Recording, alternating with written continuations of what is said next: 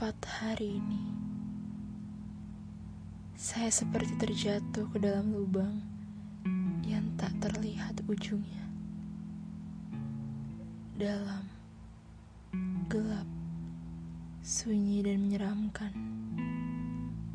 Mencoba berteriak pun, tak akan ada orang yang mendengar.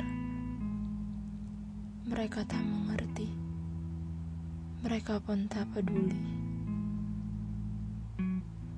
Diam, lemah tak berdaya, merasakan betapa sakit yang luar biasa harus saya alami lagi.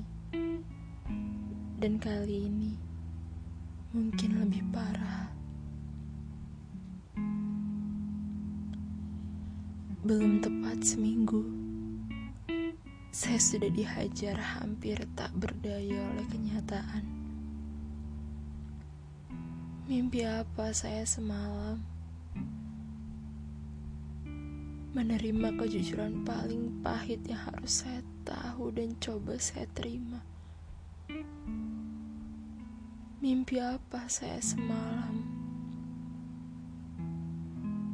Perkataan itu terus terulang dalam pikiran saya.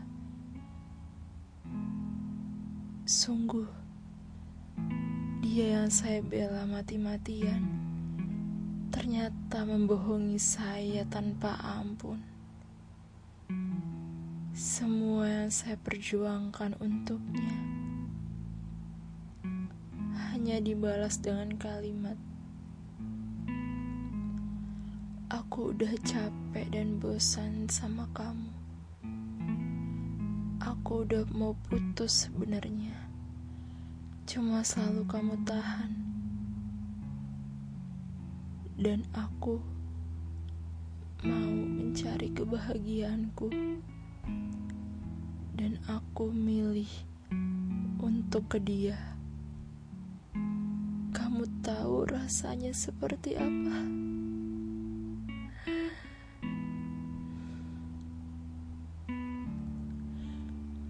Kamu tahu rasanya seperti apa?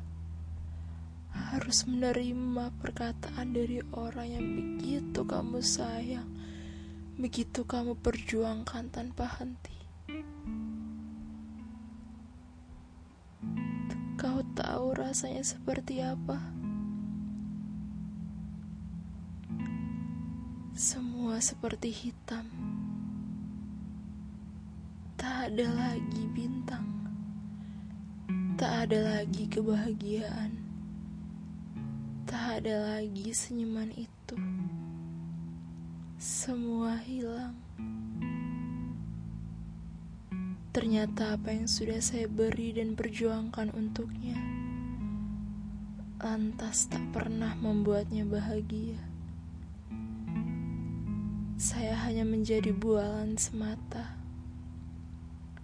penghibur di kala ia sedih. Penikmat dikala ia bosan, dan pejuang dikala ia terluka. Tak cukupkah semuanya untuk membuatmu bahagia? Salah saya di mana? Hingga kamu memilihnya untuk menjadi alasanmu bahagia. Mengapa tak kau tinggalkan saya lebih dahulu? Setelah itu kamu baru berjalan bersamanya. Mengapa harus berjalan bersamanya lebih dulu? Baru kamu tinggalkan saya begitu saja. Semua hancur, semua berantakan. Marah pun sudah tak bisa saya luapkan. Kecewa pun untuk apa? Kamu telah hebat menjadi pembohong handal. Hingga saya sangat amat percaya kepada laki-laki tak punya hati dan akal sehat. Tapi tak apa.